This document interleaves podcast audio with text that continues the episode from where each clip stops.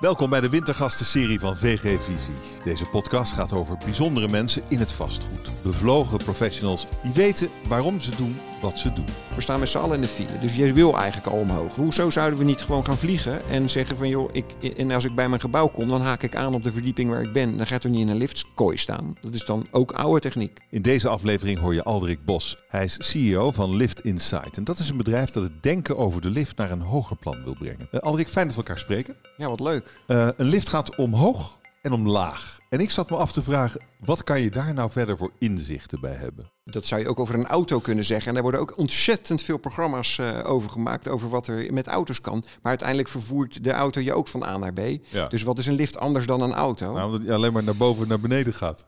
Ja, nou die auto die gaat, die gaat ook niet, die gaat niet eens naar boven en naar beneden. Ja, ja maar nou. goed, nee. Nou, nou, laat ik een paar, ik kan er wel een paar statements over ja, maken. Heel graag. Uh, wat heeft het groene hart in Nederland te maken met liften?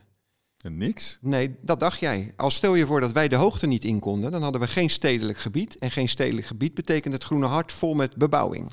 Dat is een punt. Dus wij, ons vak, hè, de mensen die liften bouwen en onderhouden in Nederland, die zorgen ervoor dat we een groen hart kunnen houden. Maar dat is, uh, uh, dat is een waarheid als een koe. Een lift is heel belangrijk. Um, maar het is nog steeds een lift die omhoog en omlaag gaat. En jij hebt er je levenswerk van gemaakt. Nou, zo zou je dat kunnen zeggen. Ja, ja, ja, ja waarom? Wat fascineert jou dan zo aan die lift? Nou ja, de lift is natuurlijk een slagader in een gebouw. Ik bedoel, jij hebt ook artsen die hebben, die hebben ook een specialisatie.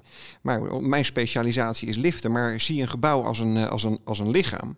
Uh, dat gebouw gaat niet werken als de liften niet werken. He, ja, natuurlijk een klein gebouw wel. Maar we gaan steeds meer de hoogte in. En laten we eerlijk zijn, we gaan steeds meer stedelijk gebied krijgen. Wereldwijd is dat gewoon het geval.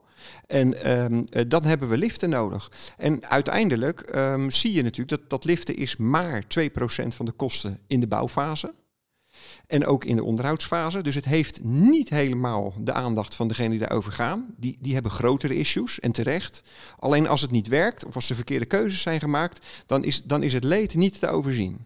Maar hoe ben jij dan in de liften terechtgekomen? Want je, hebt een liftbedrijf opgebouwd, succesvol gemaakt, verkocht. Je hebt een liftadviesbureau opgericht en verkocht. Nu Lift Insight. Uh, een leven lang in de liften. Waarom? Ja, ja, ja. Nou, ten eerste zeggen de mensen in mijn vak, je hebt het liftenvirus. En nou wil ik niet zeggen dat ik het liftenvirus heb. Maar nou goed, de, de, ja, je komt in een wereld binnen. En de liftenwereld is uiteindelijk denk ik ook gewoon een dorp. in Nederland is het, is het niet super groot. Dus, dus je leert al snel zo'n beetje alle mensen kennen die ja, daarin acteren. Er moet toch iets zijn waardoor jij van die lift houdt? Om er de hele dag mee bezig te zijn, nou, al je leven lang bijna. Ja ja, nou ja, dat is, dat is zo. Nou, ik weet niet of ik zozeer van die lift hou, maar ik hou van die liftenwereld. Ik hou van hoe de hazen lopen. Ik ben, ik ben deels technisch opgeleid. Ik ben voor een groot deel ook bedrijfskundige. Uh, ook vanuit bedrijfskundig of economisch perspectief is het een heel interessante bedrijfstak die wereldwijd uh, uh, heel groot is en waar ook stiekem best wel heel veel geld wordt verdiend. Um, maar die, die voor een groot deel onder de radar blijft. En dat vind ik interessant. En op zichzelf is de technologie ook heel erg interessant. En zeker als je kijkt naar wat er in de toekomst gaat gebeuren dan denk ik van nou, er, staan nog wel heel veel uh, ontwikkelingen ons te wachten. Hmm. De lift als disruptor. Uh, nou, ik weet niet of je de lift als disruptor. Ik bedoel, lift inside is zeker wel een disruptor. Jij in als die liften disruptor. Ja. Dat is wat je wilt zijn. En hoe doe je dat dan? Hoe ben je een disruptor in een, in een wereld waarin die bestaat eigenlijk uit omhoog en omlaag? Ja. Hoe, hoe maak je daar het verschil. Wat gaan, we, wat gaan wij veranderen? Ja. ja. Nou, kijk, als het aan mij. mij kijk, wat er, wat er is, is. Vroeger kocht je een lift. Dat is gewoon techniek. Dat is, een, dat is een stuk staal met elektronica. En daar kreeg je vervolgens ook nog een onderhoudscontract bij. En wat ik zie gaan gebeuren is de komende jaren. Is dat technologie die toegevoegd wordt aan uh, die liften. En dan is dan toch met name IoT, sensoring, uh, data uit de lift. En uh, dus we kunnen vervolgens onderhoud gaan doen op basis van data. En dat gaat de kanteling mogelijk maken naar het inkopen van verticale mobiliteit. Dus mijn stelling tegen verticale de... mobiliteit. Ja, nou. Ja. Dat is mooi. Ja, ja, nou ja, goed. Jij hebt het. Hij kan alleen maar omhoog en omlaag. Nee, maar dat is het inkopen van verticale mobiliteit. Dat, dat is jouw missie. Tegen de gemiddelde gebouweigenaar zeg ik ja. altijd: je wilt geen lift. Want een lift is gewoon, ge- gewoon pertinent gedoe.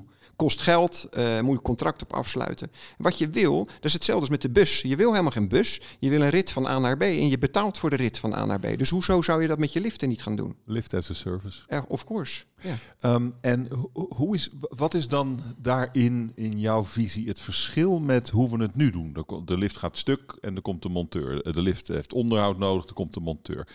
Er blijft natuurlijk al dat soort dingen. Je moet wel naar de lift toe.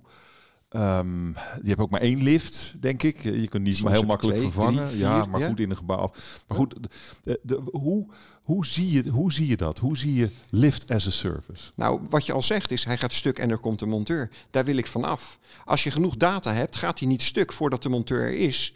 De monteur is er met de juiste onderdelen op het moment dat de lift bijna stuk gaat. En daarmee verhoog je de afschrijvingsperiode van onderdelen in die lift. Eh, maar die monteur komt ook maar één keer in plaats van twee keer of drie keer wat er nu gebeurt. Wat ik echt verspilling vind. Dus die monteur komt. Nu, nu is het zo: de monteur komt, constateert een gebrek aan de lift, zegt sorry, plakt een stickertje op die lift. De lift is buiten gebruik. Iedereen kent die stickertjes. Vervolgens gaat de monteur naar, naar de zaak en gaat spullen ophalen en gaat de lift repareren. Als je pech hebt, moet er nog een keer iemand komen. Dus dat is een inefficiënt proces. En laten we eerlijk wezen, er zijn niet heel veel liften. En we weten van tevoren wanneer de dingen kapot gaan. Als je hebt een auto en in jouw auto zit een distributieriem. En de garage die zegt tegen je, we zijn, we zijn toe aan het vervangen van de distributieriem. Dat doen we op basis van het aantal kilometer. Ja. Nou, wij meten met onze sensoring hoeveel ritten een lift mee eh, kapot gaat. Of hoe, sorry, hoeveel ritten een lift draait. Ja. En op basis van het aantal ritten kunnen we van heel veel onderdelen gaan bepalen wanneer je ze proactief vervangt. Oké. Dat is eigenlijk eh, simpel. Het is ook heel simpel. Ik, Maar we doen het nog niet. Nee, we doen het nog niet precies. Oké. Ja. Hoe komt dat? Het is natuurlijk, nou ja, dat, er zijn lift alle- is niet belangrijk genoeg. Nee, één. eh, Waarom zou ik geld uitgeven als het niet stuk is? Hmm. Eh, de motivatie om iets te betalen. Stel je voor, je hebt een winkel. En eh, nou ja, mijn stelling is: een lift die niet werkt is omzetderving. Dus het is heel simpel. Tegen de eigenaar van de winkel zeg je van: joh, ja, hij is stuk. Ik moet een onderdeel vervangen.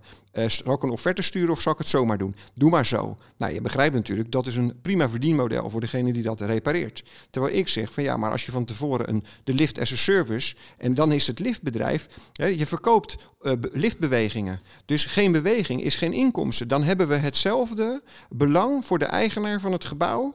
als voor het liftbedrijf. Want die moet niet stilstaan. Want die stilstaat is omzetderving voor iedereen. Ja. Ja, maar nu is het als de lift stilstaat, is het, is het omzetderving voor de een en winst voor de ander. En dat kan niet kloppen. Maar ben jij dan eigenlijk een liftmonteur?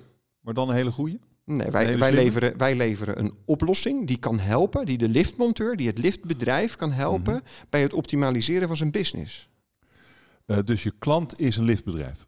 Ja, of de gebouweigenaar die zegt tegen zijn liftbedrijf, maar alle respect, je mag mijn liftje wel onderhouden, maar er gaan wel sensoren in en je gaat gewoon op basis van die sensordata het onderhoud doen. Ik zou denken eigenlijk dat als ik een liftbedrijf was, dat ik het dan ook wel fijn vond als die monteur heel veel eh, omzet draaide. Ja, dus ik denk ook dat en ik jij denk, maakt daar een einde aan. Dat is disruptief, maar dat, dat is Ja. natuurlijk precies wat je ziet in, in, in, in al die disruptieve eh, concepten. En dat is ook wel een beetje ons dilemma natuurlijk. Want ik bedoel, ons, eh, het liftbedrijf bij wie je komt, die, die eh, vindt het eerst een heel interessant verhaal. Die gaan eerst ook heel goed naar de techniek kijken. Wat kan het? Hoeveel volt en hoeveel spanning en hoeveel dit en dat. En vervolgens komen ze erachter van ja, oké, als ik dit ga toepassen, gaat mijn hele businessmodel kantelen. Ja, en dan zeggen ze, nou dag meneer Bos, fijn u gesproken Ja, te hebben. nou, dat is precies wat er gebeurt. Ja, exact. maar maar, dan, ja, maar dan, dan, heb, dan verdien jij niks. nee, dat klopt ook. Dus Dus dat niet ook niks. ja, nee, nee, zo, Nee, zo, maar- zo is het Maar natuurlijk. ja, niet. dat is, hoe, hoe krijg je dat omgedraaid? Nou, precies. Dus dat betekent dat wij een double-sided businessmodel hebben. En wij richten ons ook op de gebouweigenaar en vertellen de gebouweigenaar dat zijn liftonderhoud efficiënter kan. En dat hij veel meer inzicht kan krijgen tussen oorzaak en gevolg. En dat, als je, dat je je investeringsbeslissing over wanneer ga ik die lift wel of niet vervangen, kan baseren op data. Nou, dat helpt. Hè. Dus dan zijn we in gesprek met de professionele gebouweigenaren, grote woningcorporaties, overheden, eh, maar ook, eh, eh, nou ja, goed, ook hotelketens. En zeker in deze tijd, we zien in, la- laten we een voorbeeld noemen, in een ziekenhuis zien we dat liften veel intensiever gebruikt werden dan voorheen. En je wilt niet dat ze stilstaan. Dus je wil niet wachten op die monteur, je wil niet wachten dat die monteur zijn spulletjes gaat. Dus die, de- daar is een bepaalde gevoeligheid die zegt, ja, als we dit, als we dit kunnen optimaliseren, is dat natuurlijk geweldig. En verkoop jij dan de technologie of verkoop je het advies?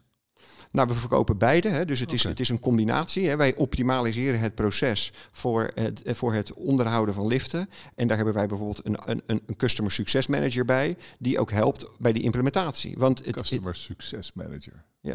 ja, het gaat om het succes van de Ja, klant. Hè. Ja, ja. Oké. Ehm, Dan is er, uh, dan is er de, nou, zeg maar de, de eigenaar van de lift of de huurder van de lift. In elk geval de gebouwbeheerder. Uh, wat is het voordeel voor de gebouwbeheerder slash eigenaar? Hoeveel procent bespaar je op je liftonderhoud? Wat, is, wat zit erin? Ja, dat is wel een hele goede vraag. Het ligt gevoelig in onze markt. Maar laat ik gewoon eerlijk zijn, dat, dat is wel tot 50 procent. 50? Ja, en dan niet alleen over onderhoudskosten, maar de total cost of ownership. Ja. Maar dat klinkt heel veel, maar laten we nog even teruggaan naar het begin. Ik zei, liften zijn 2% van de kosten van een gebouw. Dus, dus het is, je moet het wel relateren aan het totaal. Dus het is 1% op je totale exploitatie van je gebouw. Maar het zit veel meer. Bedoel, dat is één deel. Alhoewel iedereen toch een gevoel heeft over kosten en liften. Maar het zit veel meer ook over die uptime. Laten we wel wezen, in een ziekenhuis of in een, in een winkel of waar die lift ook staat. Uiteindelijk heeft die lift een functie. En je wil gewoon niet dat die stilstaat. En daarom praat ik ook in termen van verticale mobiliteit. Want dat is wat je koopt. Ik wil je graag een paar eh, impertinente vragen stellen als je het eh, me toestaat. Ik vond ze al redelijk um, impertinent. Oké, nou we zijn er maar net begonnen. Oh. Um, eerst, ik, ik, ik verwacht eigenlijk graag eerst een uh, kort antwoord. Daarna krijg je gelegenheid genoeg om het toe te lichten. Um, wat was je grootste fuck-up in 2020? Mag privé, mag zakelijk, wat je wil. Ja, ik had je vorige podcast ook gehoord en toen dacht ik van ik zal, je, ik zal je ook gelijk een antwoord geven. Maar mijn antwoord is de overstapweken. De overstapweken. Oké, hou die even vast. Wat is je belangrijkste kantelpunt in 2020? Uh, nou ja, dan uiteindelijk ook die overstapweken. Dat is een grote les. Overstapweken en je meest inspirerende conculega in 2020. Anders gezegd, welk project had jij niet beter kunnen uitvoeren? Wie bewonder je? Uh, nou, ik heb heel veel respect voor Konen. Voor? Konen. Konen. Dan mag ik het toch een keer herhalen ook. Konen. Oké, nou hier komen we nog verder. Heb je, heb je werk en privé een beetje in balans? Ja, zeker. Ja, absoluut. Ik ben echt absoluut in balans. Ik ben heel veel gaan sporten dit jaar. Corona, waar andere mensen praten over corona-kilo's, ja, kan ik ook over corona-kilo's praten, maar dan in de positieve zin. Achteruit. Oh, daar ben ik wel benieuwd. Ja. Dan gaan we het zo over hebben. Laten we eerst eens even kijken naar de overstapweken. Je grootste vak op. Wat zijn voor jou de overstapweken? Nou, wij, eh, eh, omdat we die tractie niet kregen, want waar jij het net over hebt, dus je, je haalt de angel eruit, zijn we die gebouweigenaar gaan benaderen, hebben we gezegd, ruil je oude liftcontract in voor een nieuw liftcontract. Waarbij wij dat liftcontract gewoon gaan onderbrengen bij klanten, bij liftbedrijven, die onze sensoroplossing brengen. Maar vervolgens, het effect was, dus ik noem het een fuck-up, of jij noemt het een fuck-up. Nou en eh, eh, misschien is dat een heel groot woord. Maar de grote les is dat ik daarmee concurrent ben geworden van mijn eigen klant. Wat ik niet per se wilde. Maar die eigen klant die wil die conversie niet. Precies wat jij zelf ook aangeeft. Die zegt van ja, Alder, ik een mooi verhaal. Maar eh, dit gaat ons natuurlijk omzet kosten. Dus we gaan het niet doen. Nou, denk, nou weet je wat, dan ga ik contracten verkopen. Dus, want de klant wil geen sensoren de klant, de gemiddelde gebouweigenaar, die wil een goedkoper liftcontract. Dus wij hebben onder andere op Business News Radio en op via allerhande kanalen hebben wij de overstapweken tot wel 50% korting. En, en nou, dat levert natuurlijk aanvragen op voor goedkoper liftonderhoud. Maar het, het neveneffect, en natuurlijk dat had ik kunnen bedenken, maar ik dacht van ja, ik, ik, ik negeer dat voorlopig even, want ik wil gewoon zien wat er gebeurt. Um, uh, het neveneffect is dat heel veel liftonderhoudsbedrijven mij hebben laten weten, al dat ik niet echt super grappig, want je bent daarmee concurrent van mij geworden. Je zit aan mijn business. Mm dus aan de ene kant heeft het de business versneld. Het heeft absoluut aanvragen en omzet enzovoort opgeleverd. Maar aan de andere kant heeft het ook, zet het ook een rem op die groei. Ja. Maar goed, oké, ik denk ja, we moeten disruptief zijn, dus, dus dan zal het maar zo zijn. Maar heb je er iets aan verdiend? Nee. Jazeker. Oh wel? Jazeker. We hebben Hoezo is het dan de fuck-up? Uh, omdat ik concurrent word van mijn eigen klant. Ja, precies. En dat je verliest de helft van je klanten. Nou ja, ik bedoel, ja. Kijk, ja, ik, maar nou dat is meteen je belangrijkste kantelpunt van het ja, want er is een hele grote les. Want ja, ja. Eh, want we hebben, er, we hebben er een serieus marketingbudget tegen aangegooid. En um, uh, ik heb natuurlijk heel veel reacties uit de markt, vooral in de liftenwereld. Ik bedoel, die horen dat gelijk. Hè. Uh, die, dat is een dorp, dus die horen gelijk, hé, hey, dit is Alderik. En ik word gebeld en appjes van, hé, hey, ik hoor je op de radio enzovoorts.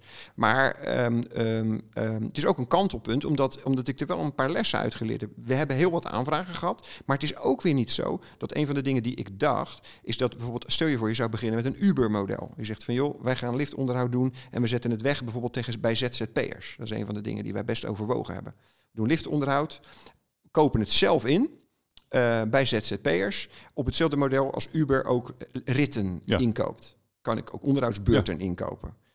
Maar ik merkte dat die gemiddelde gebouweigenaar komt ook weer op die 2%. Die is best gevoelig voor die 50%.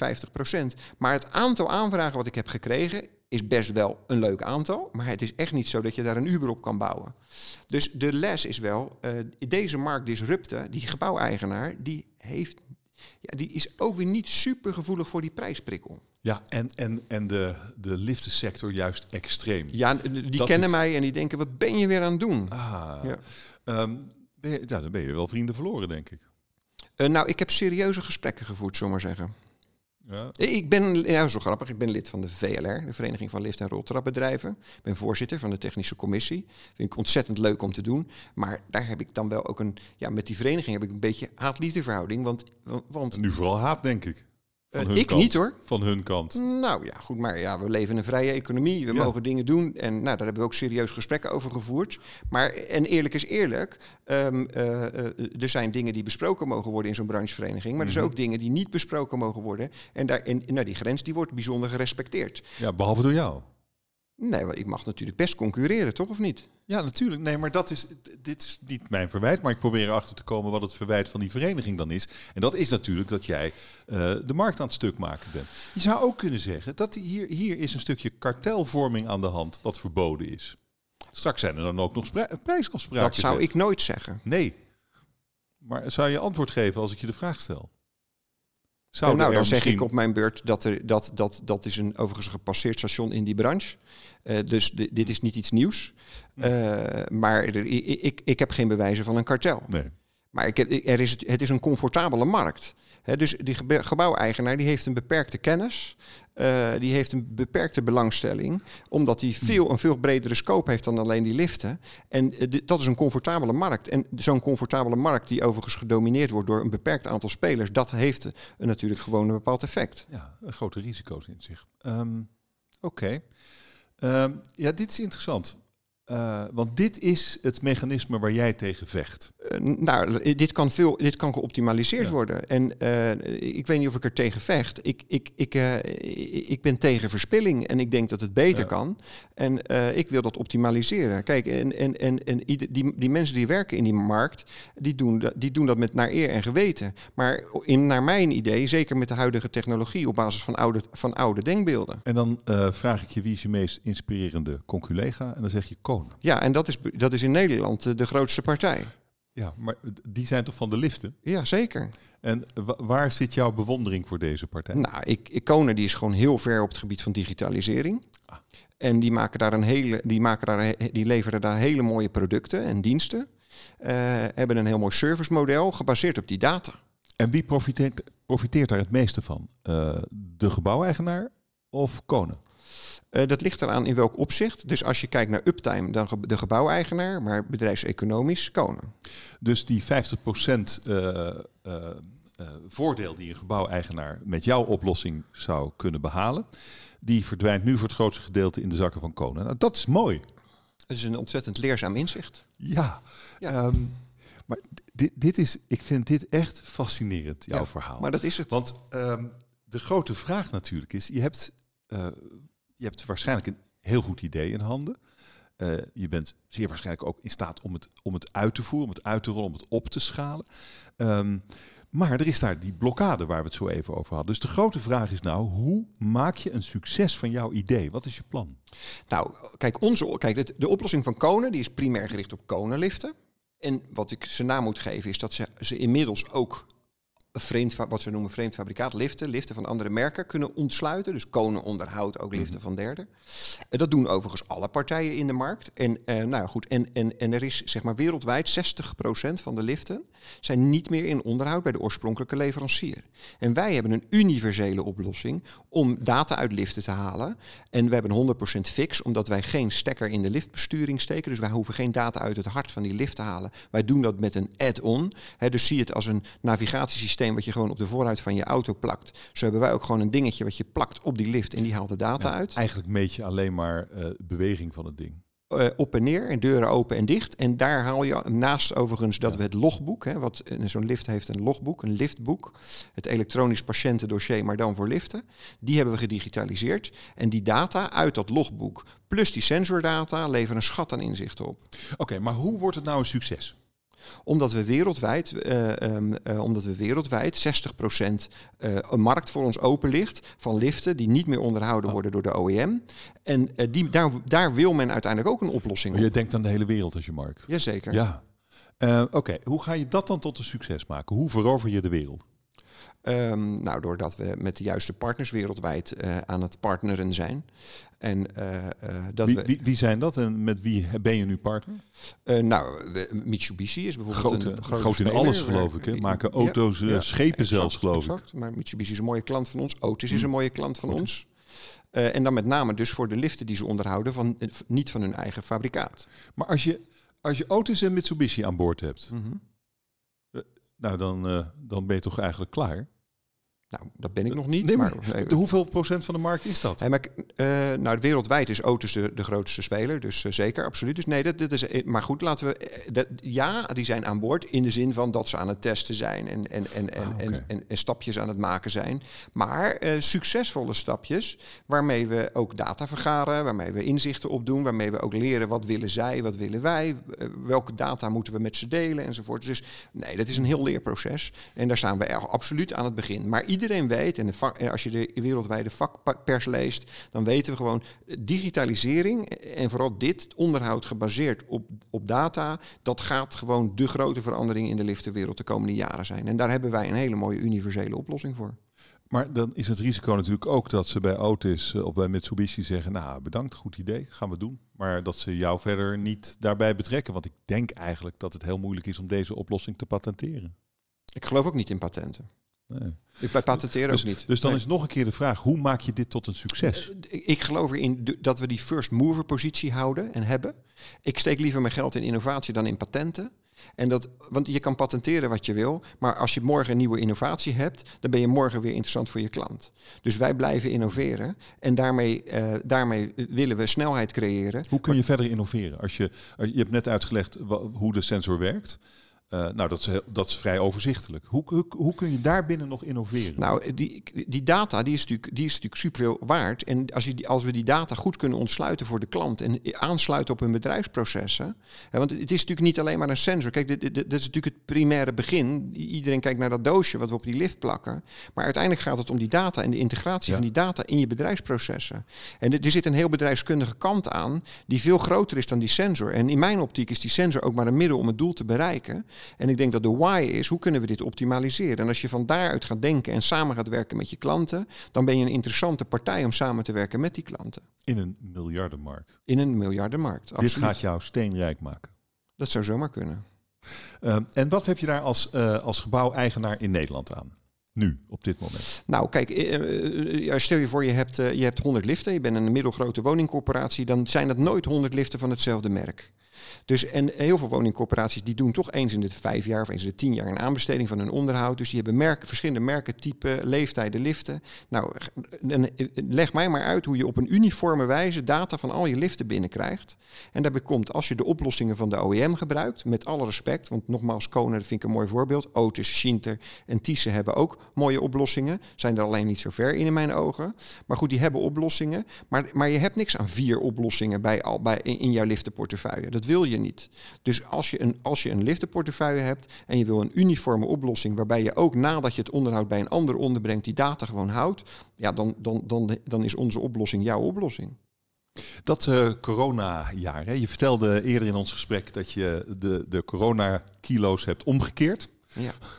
ja. Ehm, eh, hoe, hoe, hoe heb je dat voor elkaar gekregen? Want Nou, dat dat is- willen meer mensen weten. Ja, ja nou, dus al- dat is, dat is al begonnen met een inzicht daarvoor. Omdat ik dacht van toen, toen onze investeerder aan boord kwam en, en, en toen wij samen de plan aan het maken waren voor Lift Insight, toen dacht ik, dit gaat een, dit gaat een enorme uitdaging worden. En Ik, toen, had, ik had nog even de investeerder gemist ja, die, had, die had je gemist. in je verhaal. Ja. Ja, Eh, dat is natuurlijk wel belangrijk. En zonder die investeerder zou ik er niet komen. Wie is dat? Dat, zou, dat is een. eh, is geheim. ja, dat is geheim. Ja, ja. Ja, ja, ja. Oké, Eh, dus de, eh, de, eh, een, een investering die stelt jou in staat om, om, Absoluut. om dit eh, doel na te streven. dit, eh, als je kijkt wat de multinationals, Otis, Konen, Mhm. Schindler, gestopt hebben.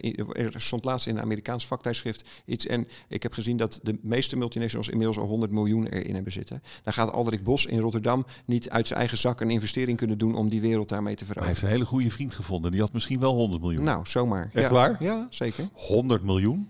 Nou, 100 niet, maar... Zulke diepe zakken? een- wel een, eh, nee, maar absoluut een, een, Ja? een, toereikende investering. Ja, we kunnen Oh, echt dus nog wel een, we kunnen echt nog wel een robbertje vechten. Ook geheim. Ook geheim. Oké. Goed, laten we praten over, Ja, precies. over Ook- ja, nou ja, goed, Want dus- dat was je aan het vertellen. Juist, exact. nou ja, goed. Toen, die- toen die aan boord kwam, toen dacht ik wel van oké, eh, dit, dit gaat een enorme uitdaging worden. En toen dacht ik een gezonde geest en een gezond lichaam. Aldrik gaat ernst maken met sporten. Toen ben ik gaan bootcampen.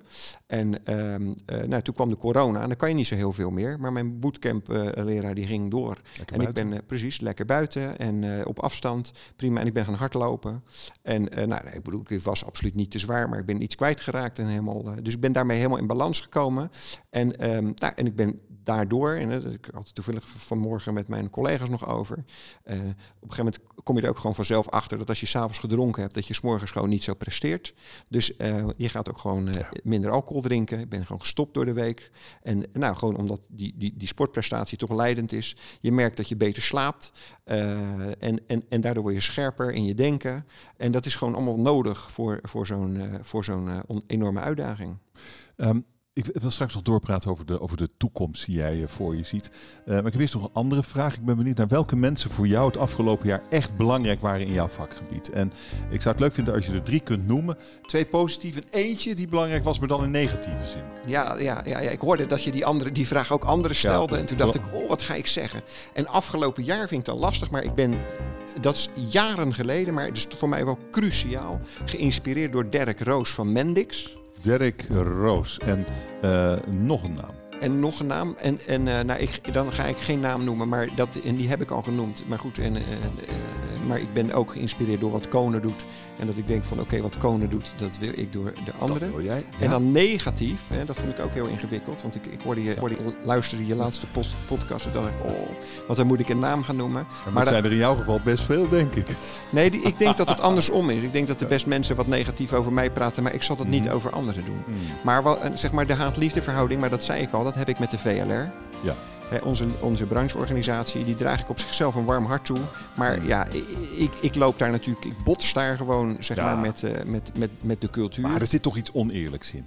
Iets, iets van, van, er zit toch een soort van herensociëteit en er komt, er, er komt een nieuw kid aan de blok en die wil alles anders en die sturen ze weg. Dat is toch, dat, Nee, ze hebben mij zo klinkt het. Ze hebben mij niet maar- weggestuurd. Ze zijn nee, heel stoer. in je hok zeggen ze toch? Nee, ze zijn heel stoer. Zeggen van, nou, je moet oppassen wat je zegt. En dat vind ik overigens terecht. Hè. Dus ik, ik, ik, ik wil eh, absoluut niet negatief zijn over die branche. wat je, hoe kan je nou je laten zeggen dat je moet oppassen wat je zegt? Nou, dat, ik, ik, heb, ik, ik, ik, ik zeg wat ik zeg. En dat hoor je mij volgens mij ook wel zeggen. Ja. En ik zeg aan de ene kant waar ik respect voor heb. En ik zeg ook aan de andere kant waar de schoen wringt. Ja. En, en dat moet ik kunnen zeggen. En dat zeg ik. Dus wat ik zeg is heel simpel: dat ik respect heb voor die multinationals die mooie oplossingen Hmm. maken. En aan de andere kant zie ik ook wat het doet met het prijsniveau in de markt. En daar heb ik bezwaar tegen. En dan, eh, dan zeg je als eh, eerste positieve naam die bij je opkomt, Dirk Roos van Mendix. Ja, wij, wij bouwen op het Mendix-platform. Mendix is een soort, eh, voor de leek een soort Lego-bouwdoos waar je software op kan bouwen. kwam Dirk ooit tegen hier in Rotterdam in de kring van snelle groeiers bij toen nog Sintens, Kamer van Koophandel eh, eh, dochter. En ehm, eh, daar kwam ik hem tegen, nou ik denk al 15 jaar terug. En zijn grote irritatie was software schrijven is moeilijk en ik ga dat makkelijk maken. En toen we hiermee bezig waren en we gingen op zoek naar een platform waar we schaalbaar op konden bouwen en super betrouwbaar, toen liepen we tegen het Mendix-platform aan. En ik was het jaren kwijt, maar ineens dacht ik, hé, hey, dat, dat, dat is toch het bedrijfje van Dirk Roos. Dus ik ging googlen en die zat inmiddels in Silicon Valley. En dat, dat bedrijf is enorm gegroeid. Maar, en Dirk heeft gewoon gezegd, en, en, en, dat was de in, het inzicht voor mij, every business is een ICT-business. En ehm, eh, dat is, was voor mij. En toen, toen zat ik Ja, in midden in die liftenwereld, service, onderhoud. En ik denk, hoezo gaat dit een IT-wereld worden? Nou goed, en uiteindelijk heeft het ertoe geleid dat ik gedacht heb van, oké, welke ontwikkeling kan ik opzetten waar, wat in de liftenwereld het verschil kan gaan maken? Hij stond aan de wieg van jouw Absoluut, idee eigenlijk. absoluut. Ah, mooi. En dan, nou, Konen hebben we het eigenlijk over gehad. En je haat-liefde verhouding met de branchevereniging ook eigenlijk. Ik zat me af te vragen, jij bent wel een beetje een omdenker dus. Mhm. Waarom gaan liften verticaal? Nou, en niet horizontaal? Goeie vraag. Je kan toch ook opzij handige dingen doen met een lift? Ja, zeker. Of diagonaal? Of kun je mij uitleggen of dat ook een deel van de toekomst is? Zeker. Dat verwacht ik wel. Overigens? Thyssen, om nog maar een naam te noemen. Thyssen Groep. Eh Thyssen is overigens recent verkocht. Dit jaar, afgelopen jaar verkocht. 17 miljard. Thyssen is het, het Thyssen liftenconcern was onderdeel van het staalconcern. En die maken die, die, die, wat, noemen die, die, die, die treintjes die over lucht lopen. En eh, die hebben ze eens een keer gemerged met liften. En dan kun je dus op lucht kan je een, een, een liftkooi zowel horizontaal als verticaal door een gebouw heen persen. Op lucht. Oh ja, ja. Ja, hoe heet het die? Die, die snelle treinen. die- Hyperloop idee, Ja. vacuüm Ja. eh, buis. ja, dat, je, nou, dat oh. je net eh, zeg maar. eh, dat, dat je wat Een hyperloop is natuurlijk gewoon een verticale, een, een horizontale Ja, ja, lift. precies. Nee, maar goed, een trein is gewoon een horizontale lift. Dat is het eigenlijk. precies, exact. Dus, dus je maakt die combi. Maar goed, en de vraag, jouw vraag is, waar gaan we naartoe? Ja. Maar, op de dag, ik weet het niet, hè, maar ik vind het gewoon leuk om erover te filosoferen. Op de dag dat Kone en Toyota gaan, gaan fuseren. En ehm, eh, we niet meer een Prius kopen, maar we verkopen een apparaat wat, wat zowel horizontaal als verticaal kan, dan zijn de liften niet meer nodig. Nee. En, maar hoe noem je het dan? Ik geen idee, een, eh, een Zeppelin? Nee, ik weet het niet. Kijk maar. Is- waar- maar zou dat de ideale lift zijn? Nou ja, we staan met z'n allen in de file. Nou even niet, maar we staan met z'n allen in de file. Dus je wil eigenlijk al omhoog. Dus en, en hoezo zouden we niet gewoon gaan vliegen en zeggen van joh, ik, en als ik bij mijn gebouw kom, dan haak ik aan op de verdieping waar ik ben. Dan gaat er niet in een liftkooi staan. Dat is dan ook oude techniek. Ja, ik zie dat is ook een beeld van de stad van de toekomst. Misschien wel. Ja. Ah, corona is wel een beetje vervelend als je in de liftenbusiness zit, denk ik. Want eh, liften zijn, worden een beetje gemeden nu. Je kan er ook niet meer met z'n allen in gaan staan. Beetje moeilijk. Heeft wel enorm veel effect natuurlijk. Hè? Ja, Heeft, dus ik weet niet of je daar gelijk in hebt of dat vervelend is voor die branche. misschien gaat het voorbij. Ik hoop dat het voorbij gaat. het corona gaat voorbij. Alleen ik denk dat de lessen die we eruit kunnen leren, dat kijk, het, het, sta, het eh, goed, ook kom ik toch terug ook op mijn, op mijn eigen product. Maar ik geloof er gewoon helemaal niet meer in dat we zes keer per jaar onderhoud doen. Want een gebouw, eh, eh, en zeker met, met in de flexibiliteit waarin we nu zitten, een gebouw wordt telkens anders gebruikt. En gebouwen worden steeds flexibeler. Dus wat mij betreft gaan we liftonderhoud dus op de, doen, in ieder geval op, op het werkelijk gebruik. Dus corona bewijst voor mij dat het noodzakelijk is om je liftgebruik te meten en je onderhoud op maat in te kopen. Dat, om daarmee maar, maar mee te beginnen. En dan 2021 staat voor de deur. Hoe wordt 2021 voor jou in, jouw in jouw strijd? Ja, we noemen het strijd. Ik weet niet, is het strijd? Nou ja, nou, ik, ik zie wel een ondernemer die eh, probeert een plek te veroveren in een, nou, in een min of meer vijandige markt. Mm, nou, ik, ik, Zoiets. ik- Dat- dat wel een beetje het gevoel wat nou ik- goed, wat- eh, of niet Ik, trigger iets waar ik soms denk van, ik weet niet of ik dit moet triggeren. Nou, ik weet Maar- niet. Misschien, ah, je vindt, vind je het zelf geen strijd? Eh, Klinkt wel als iemand ja, die zich- nee, dat die is zich aan het absoluut. Nee, zo, ik, ik, nou ja, ik weet niet of het invecht is. Ik, ik heb een visie en het Mhm. kan beter en het kan mooier. En Mhm. ik denk dat, ik, denk dat eh, eh, ik, ik heb hier op tafel mijn boek Duurzaam is niet duur. Ik geloof dat we zeg maar duurzaamheid kunnen bereiken door efficiëntie eh, voordelen die technologie ons kan bieden. Mijn idee is dat technologie is de sleutel tot een duurzamer wereld. En ehm, daarin wil ik graag samenwerken met mensen. Alleen het, het het is natuurlijk zo dat dat zal her en der best pijn doen. Aan de andere kant gaat het ook heus wat opleveren. Hè, bedrijven die, heel techn- die technologisch vooruitstrevend zijn, die, dat is echt niet zo dat, dat die dan hun marge moeten inleveren. Wordt, wordt 2021 jouw jaar? 2021 wordt, nou, dat is wat mij betreft zeker voor, onze, voor ons bedrijf in de fase waarin we zitten. ehm, voor, vanuit het perspectief van hier is dat voor mij wel het jaar van de waarheid.